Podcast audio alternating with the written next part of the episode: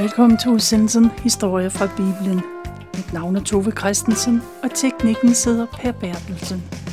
I dag fortæller jeg noget af det, der står i dommerbogen i det gamle testamente. Og denne udsendelse handler om, at Gud bruger det uperfekte menneske. Når man læser i det gamle testamente, og ikke mindst i dommerbogen, hører man om mange krige.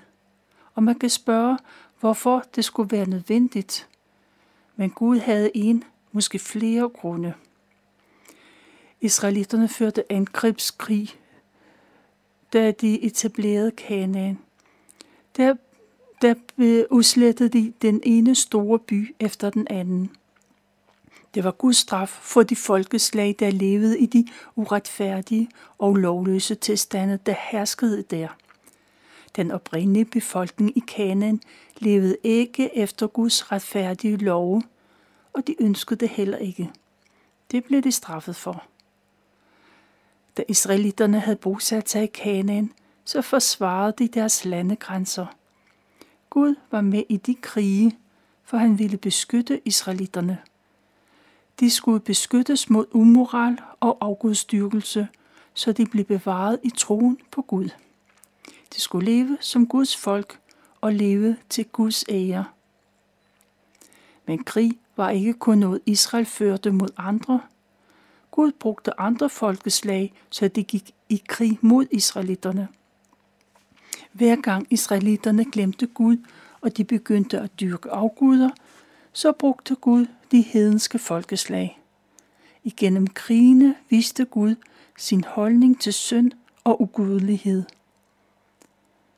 De mennesker og de folkeslag, som syndede, det var dem, der blev ramt.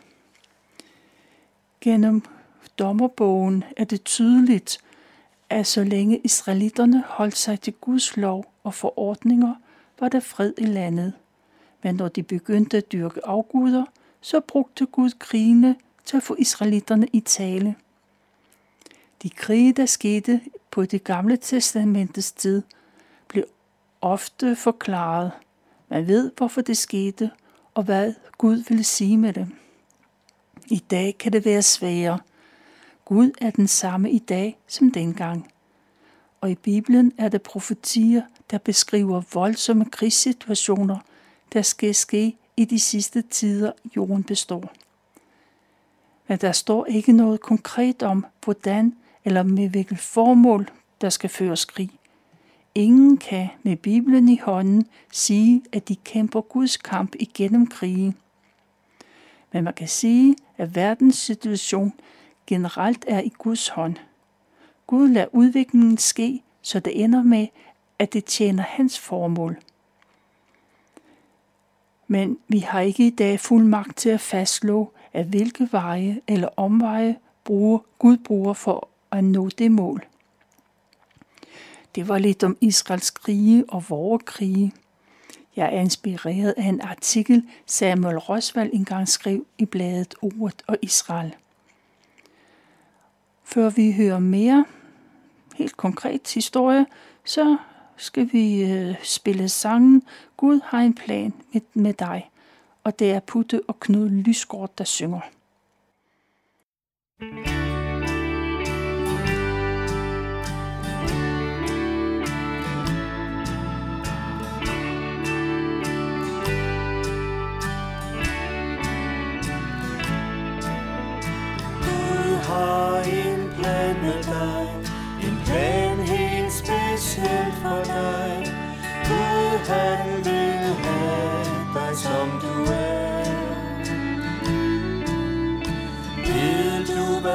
har gjort for dig.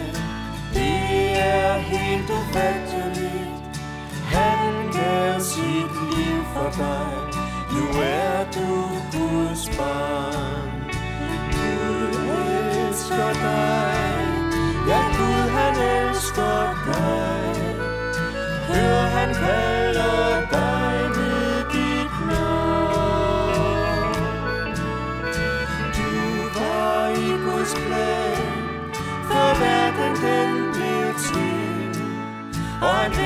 Vil, du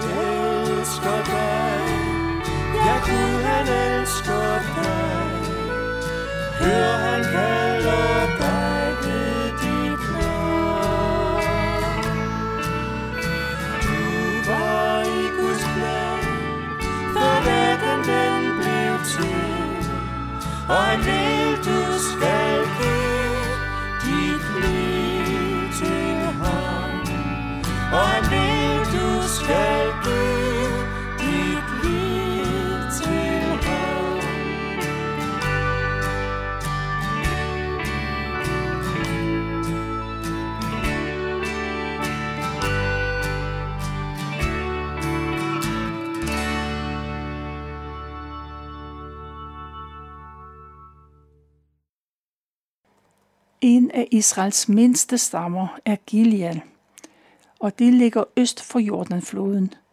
I dag vil området være en del af Jordan.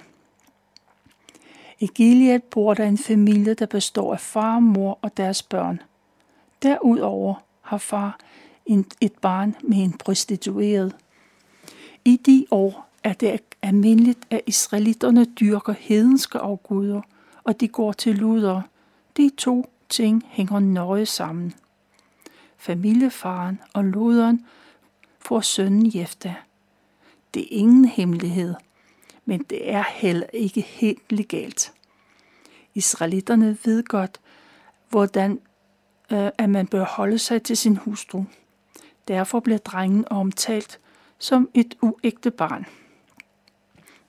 Faren påtager sig et vist ansvar for både mor og barn, og de får lov til at bo på deres ejendom. Jefter vokser altså op sammen med sine halvsøskende. De leger med hinanden og med byens børn. Men alle er klar over, at Jefter er, er søn af en prostitueret. De såkaldte ægte børn ser skævt til Jefter. Han må høre mange sårende bemærkninger fra brødrene, og helt sikkert også fra de voksne. Afstanden mellem de uægte søn og de andre bliver ikke mindre med årene. Jefte, han bliver soldat, ganske som alle andre unge mænd i landet. Alle, der overhovedet kan, har pligt til at forsvare sit land. Men modsat mange andre, så finder Jefter sig godt med at være soldat. Han er en god og stabil kriger. Man lægger mærke til ham, for han gør et godt arbejde. Han er en mand, der gør en forskel.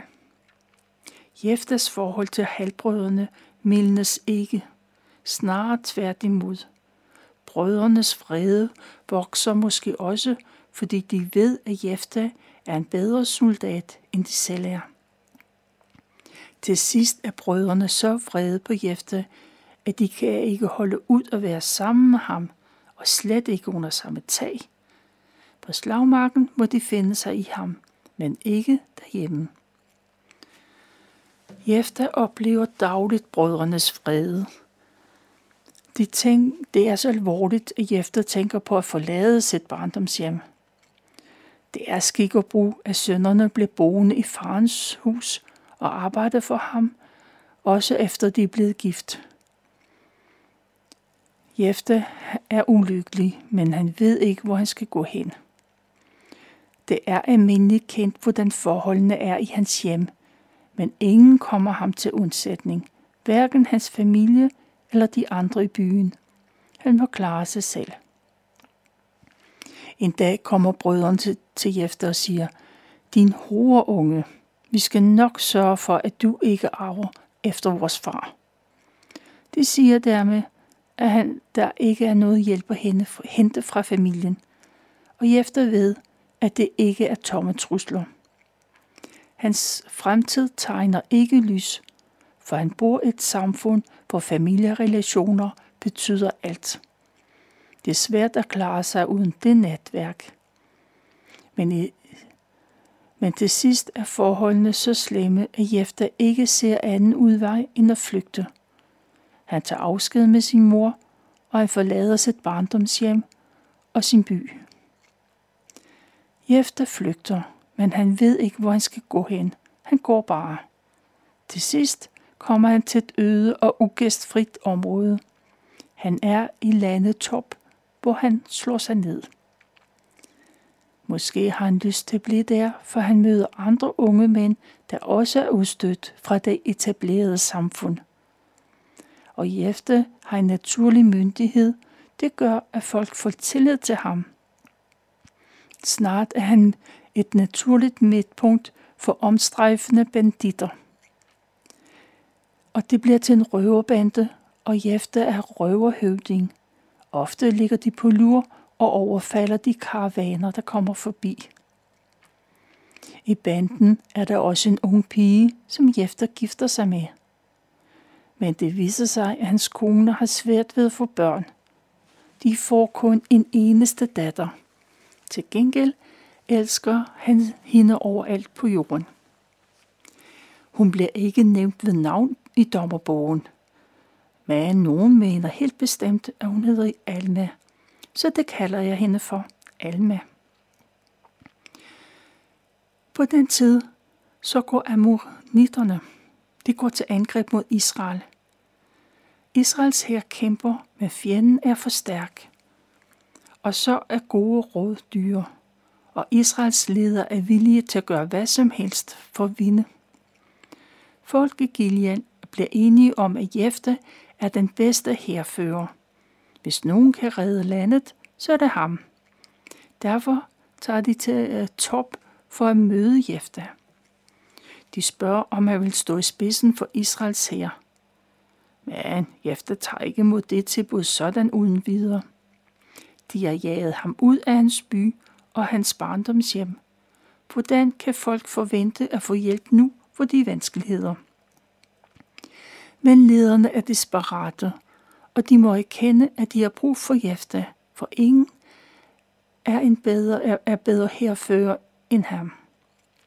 Som tak for hjælpen, så lover lederne, at de vil gøre Jefte til konge i Gilead. Det er helt andre toner, end dengang de kaldte ham for en horeunge. Jefte kan ikke fatte, at de virkelig mener det. Men ledende bekræfter, at det er virkelig sandt. Han skal være deres konge, hvis han vender tilbage, og Gud giver ham sejr. Så tager Jefter imod tilbuddet. Han indstiller sig på at forlade sit hjem. Han tager også afsked med datteren Alma. Hun skal ikke med, for det er mere sikkert at være blandt røver, end i et land med krig.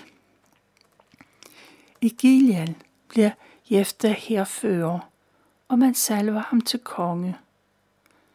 Det er en aftale, der officielt bliver bekræftet ind foran Guds alter.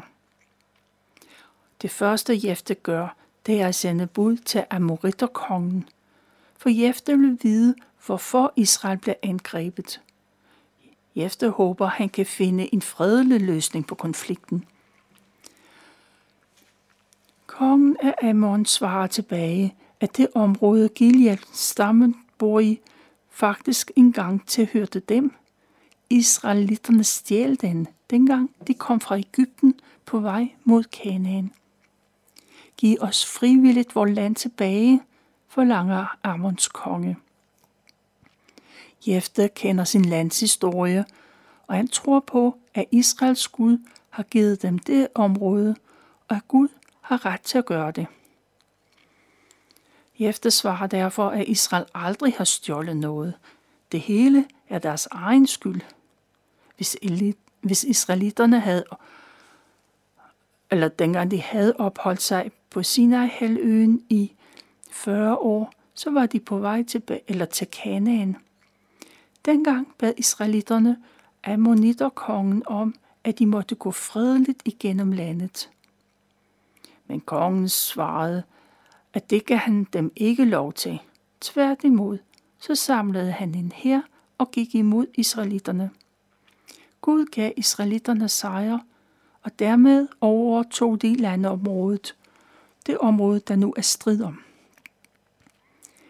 Jefte forklarede, at det var Gud, der gav israelitterne landet, men hvorfor skal de nu give landet tilbage til ammonitterne? Og hvorfor kommer Amorens konge først nu, mange år senere? Hvorfor har de ikke for længst reageret? Jefte mener, at han har retten på sin side. Hvis de argumenter ikke overbeviser ammonitterkongen, så er det Gud, der skal være deres dommer. Jefter giver den her besked til sendebud, som afleverer beskeden til ammoniterkongen. Men beskeden giver ikke indtryk, eller den gør ikke indtryk på ammonitterne. Og man, de holder på deres. Og så er der krig. Jefter ser ingen anden udvej, end at han må samle en hær og indstille sig på kamp. Men først så gør han sine forberedelser. For det første afholder Jefter en stor offring i det hellige område uden for byen. Der plejer man at ofre til afguder, men der står også et alter for Gud Herren. Kongen, landets leder og augustpræsterne, de samles ved det hellige sted. Og der hører de rygter om, at Ammoniterkongen også har offret til sine guder. Ammoniterkongen har ikke bare offret noget dyr til guderne. Han har også offret flere helt unge piger, og han er gået mellem de dræbte jomfruer. Det er den stærkeste magi, de har. Den skal sikkert ammonitterne sejre. På offerpladsen i Gilead er man meget påvirket af det, de hører. At dræbe unge piger for at vinde en krig er noget helt andet end at ofre et dyr eller to. Jefta lader sig også rive med af indstemningen, og han lover, at hvis Gud giver ham sejr, så vil han ofre det første menneske, han genkender, efter han er kommet hjem. Han vil ofre vedkommende som et brandoffer til Gud Herren. Det løfte er ikke noget Gud er indforstået med. Det er meget langt fra Guds tankegang. Men de hedenske præster hører det, og de er snart almindeligt kendt. Jefte er bundet til sit løfte. Han kan ikke trække det i land igen. Og så er han klar med til kamp.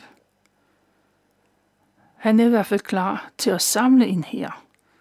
Men han har svært ved at overbevise stammelederne om, at de skal sende mænd for at kæmpe under ham.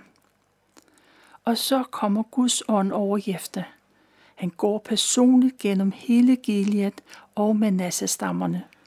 I de to israelitiske stammer gør han alt, hvad han kan for at samle mænd, der vil følge ham. Det er ikke let, men det lykkedes. Jefte får de frivillige soldater, som der er brug for. Han samler en her og går over Jordanfloden og rykker mod ammonitterne. Gud, Israels Gud, er med dem, og de besejrer fjenden. Men det bliver en frygtelig massakre. 20 byer bliver indtaget på stribe.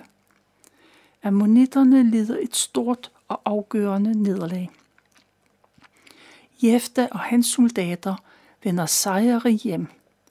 Jefta går i spidsen i et triumftog, og hele landet hylder ham og de sejrende soldater. Også Jeftas datter, Alma, vil lykønske sin far. Så snart hun hører om sejren, så forlader hun røverbanden og skynder sig til Gilead. Hun mødes med de unge piger i byen, og hun fører an i deres hyldest. De kommer dansende og syngende imod krigerne. Alma skiller sig ud. Hun er smuk som en lilje. Hendes øjne er som dybe søer, der spejler sig i stjernerne. Hendes sang kan høres over de andre stemmer. Den lyder som en forårsbæk. Jefte går i spidsen for sine soldater. Han vinker og tager imod folkets hyldest, ganske som en sejrig konge bør gøre. Det er en stor triumfdag. Men med et, så stivner smilet. For det første kender for det første kendte ansigt, han ser, det er hans elskede datter. Han husker alt for godt sit løfte, og hans glæde og triumf er væk. Han flænger sit tøj i stykker og er dybt fortvivlet. Sejren er glemt. Han er kun optaget af sin egen og sin datters ulykke. Ak, min datter, udbryder han. Den konsekvens af sit løfte havde han ikke i sit vildeste fantasi regnet med. Jefter tager sin unge datter med ind i huset, og han må fortælle hende det sørgelige budskab. Fars hjerte er knust, men han har givet et løfte, og det kan han umuligt trække tilbage. Han er en mand af ære, og et løfte er et løfte, uanset hvad det går ud på, og hvor ondt det gør, så skal han overholde det. Pigen svarer, at han må holde sit ord, for Gud har givet ham sejr over deres fjender. Men den unge pige beder om at få lov til at gå op i bjergene i to måneder. Der vil hun, sammen med sine veninder, sørge over, at hun aldrig når noget at blive gift og få børn. Den bøn kan hendes far ikke sige nej til. Hun får lov til at sørge over sin skæbne. To måneder senere, så opfylder hendes far sit løfte. Jefte offrer sin eneste elskede datter. Efter sejren er en af Israels 12 stammer, Efraims stamme. De er fornærmet over, at de ikke måtte hjælpe i krigen mod ammonitterne. De er så fortørnede, at de er klar til at brænde Jeftes hus ned, så han omkommer. Jefte hører om det, og han synes stadig, at dialog er bedre end krig.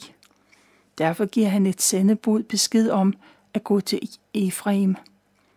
Budet skal sige, at kongen faktisk havde sendt bud efter dem, men Efrems stamme ville ikke hjælpe, da der var brug for dem. De måtte klare sig uden deres hjælp.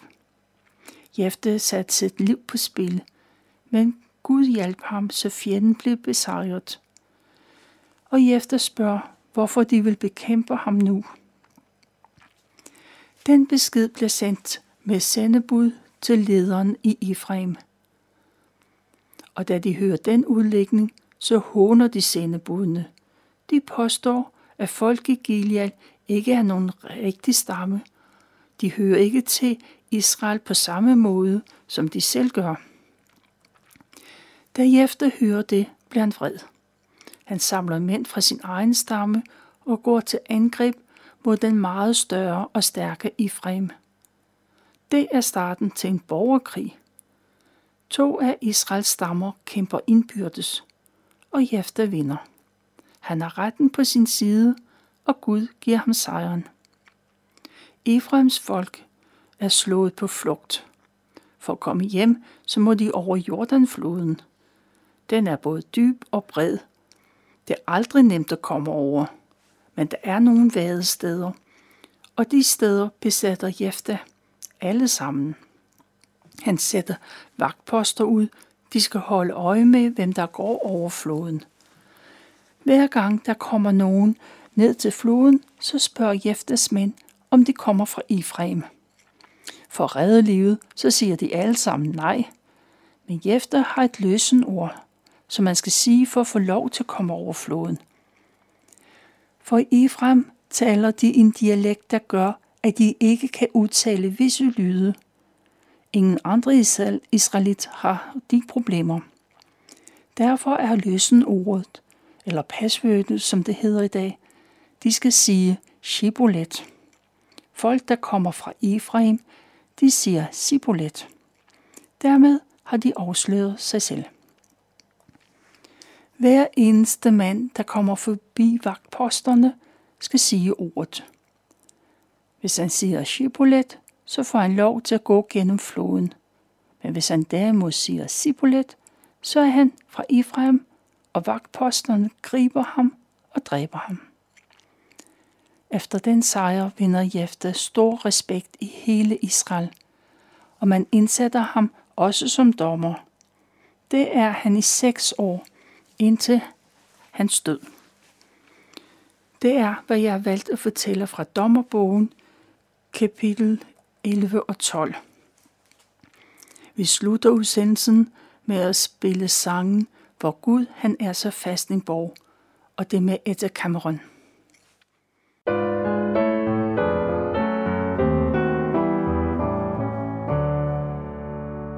Hvor Gud han er så fast en borg Han kan os vel bevare Han var vor hjælp i al vor sorg. Vort værn i al vor farve Den gamle fjenderlæg er nu for alvor vred. Står magt Han samler mod os vist Ej jorden hans lige Hvor egen magt ej hjælper let kan os fjender fælde. Min med os står den rette mand, omgjort med Guds vælde.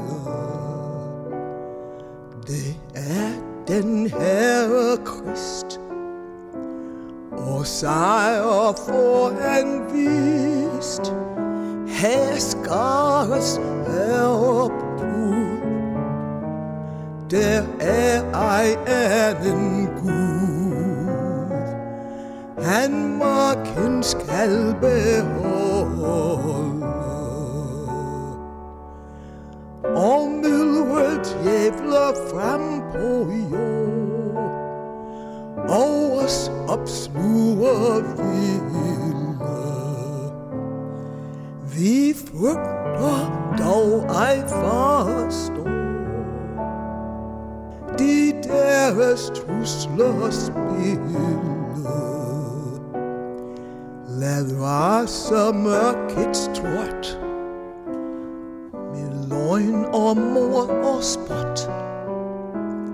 Han har dog fået sin dom Da Krist til jorden kom. Ord ham nu kan fælde.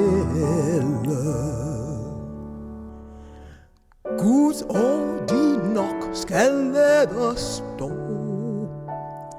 og dertil utak have. Til Herren selv vil med os gå,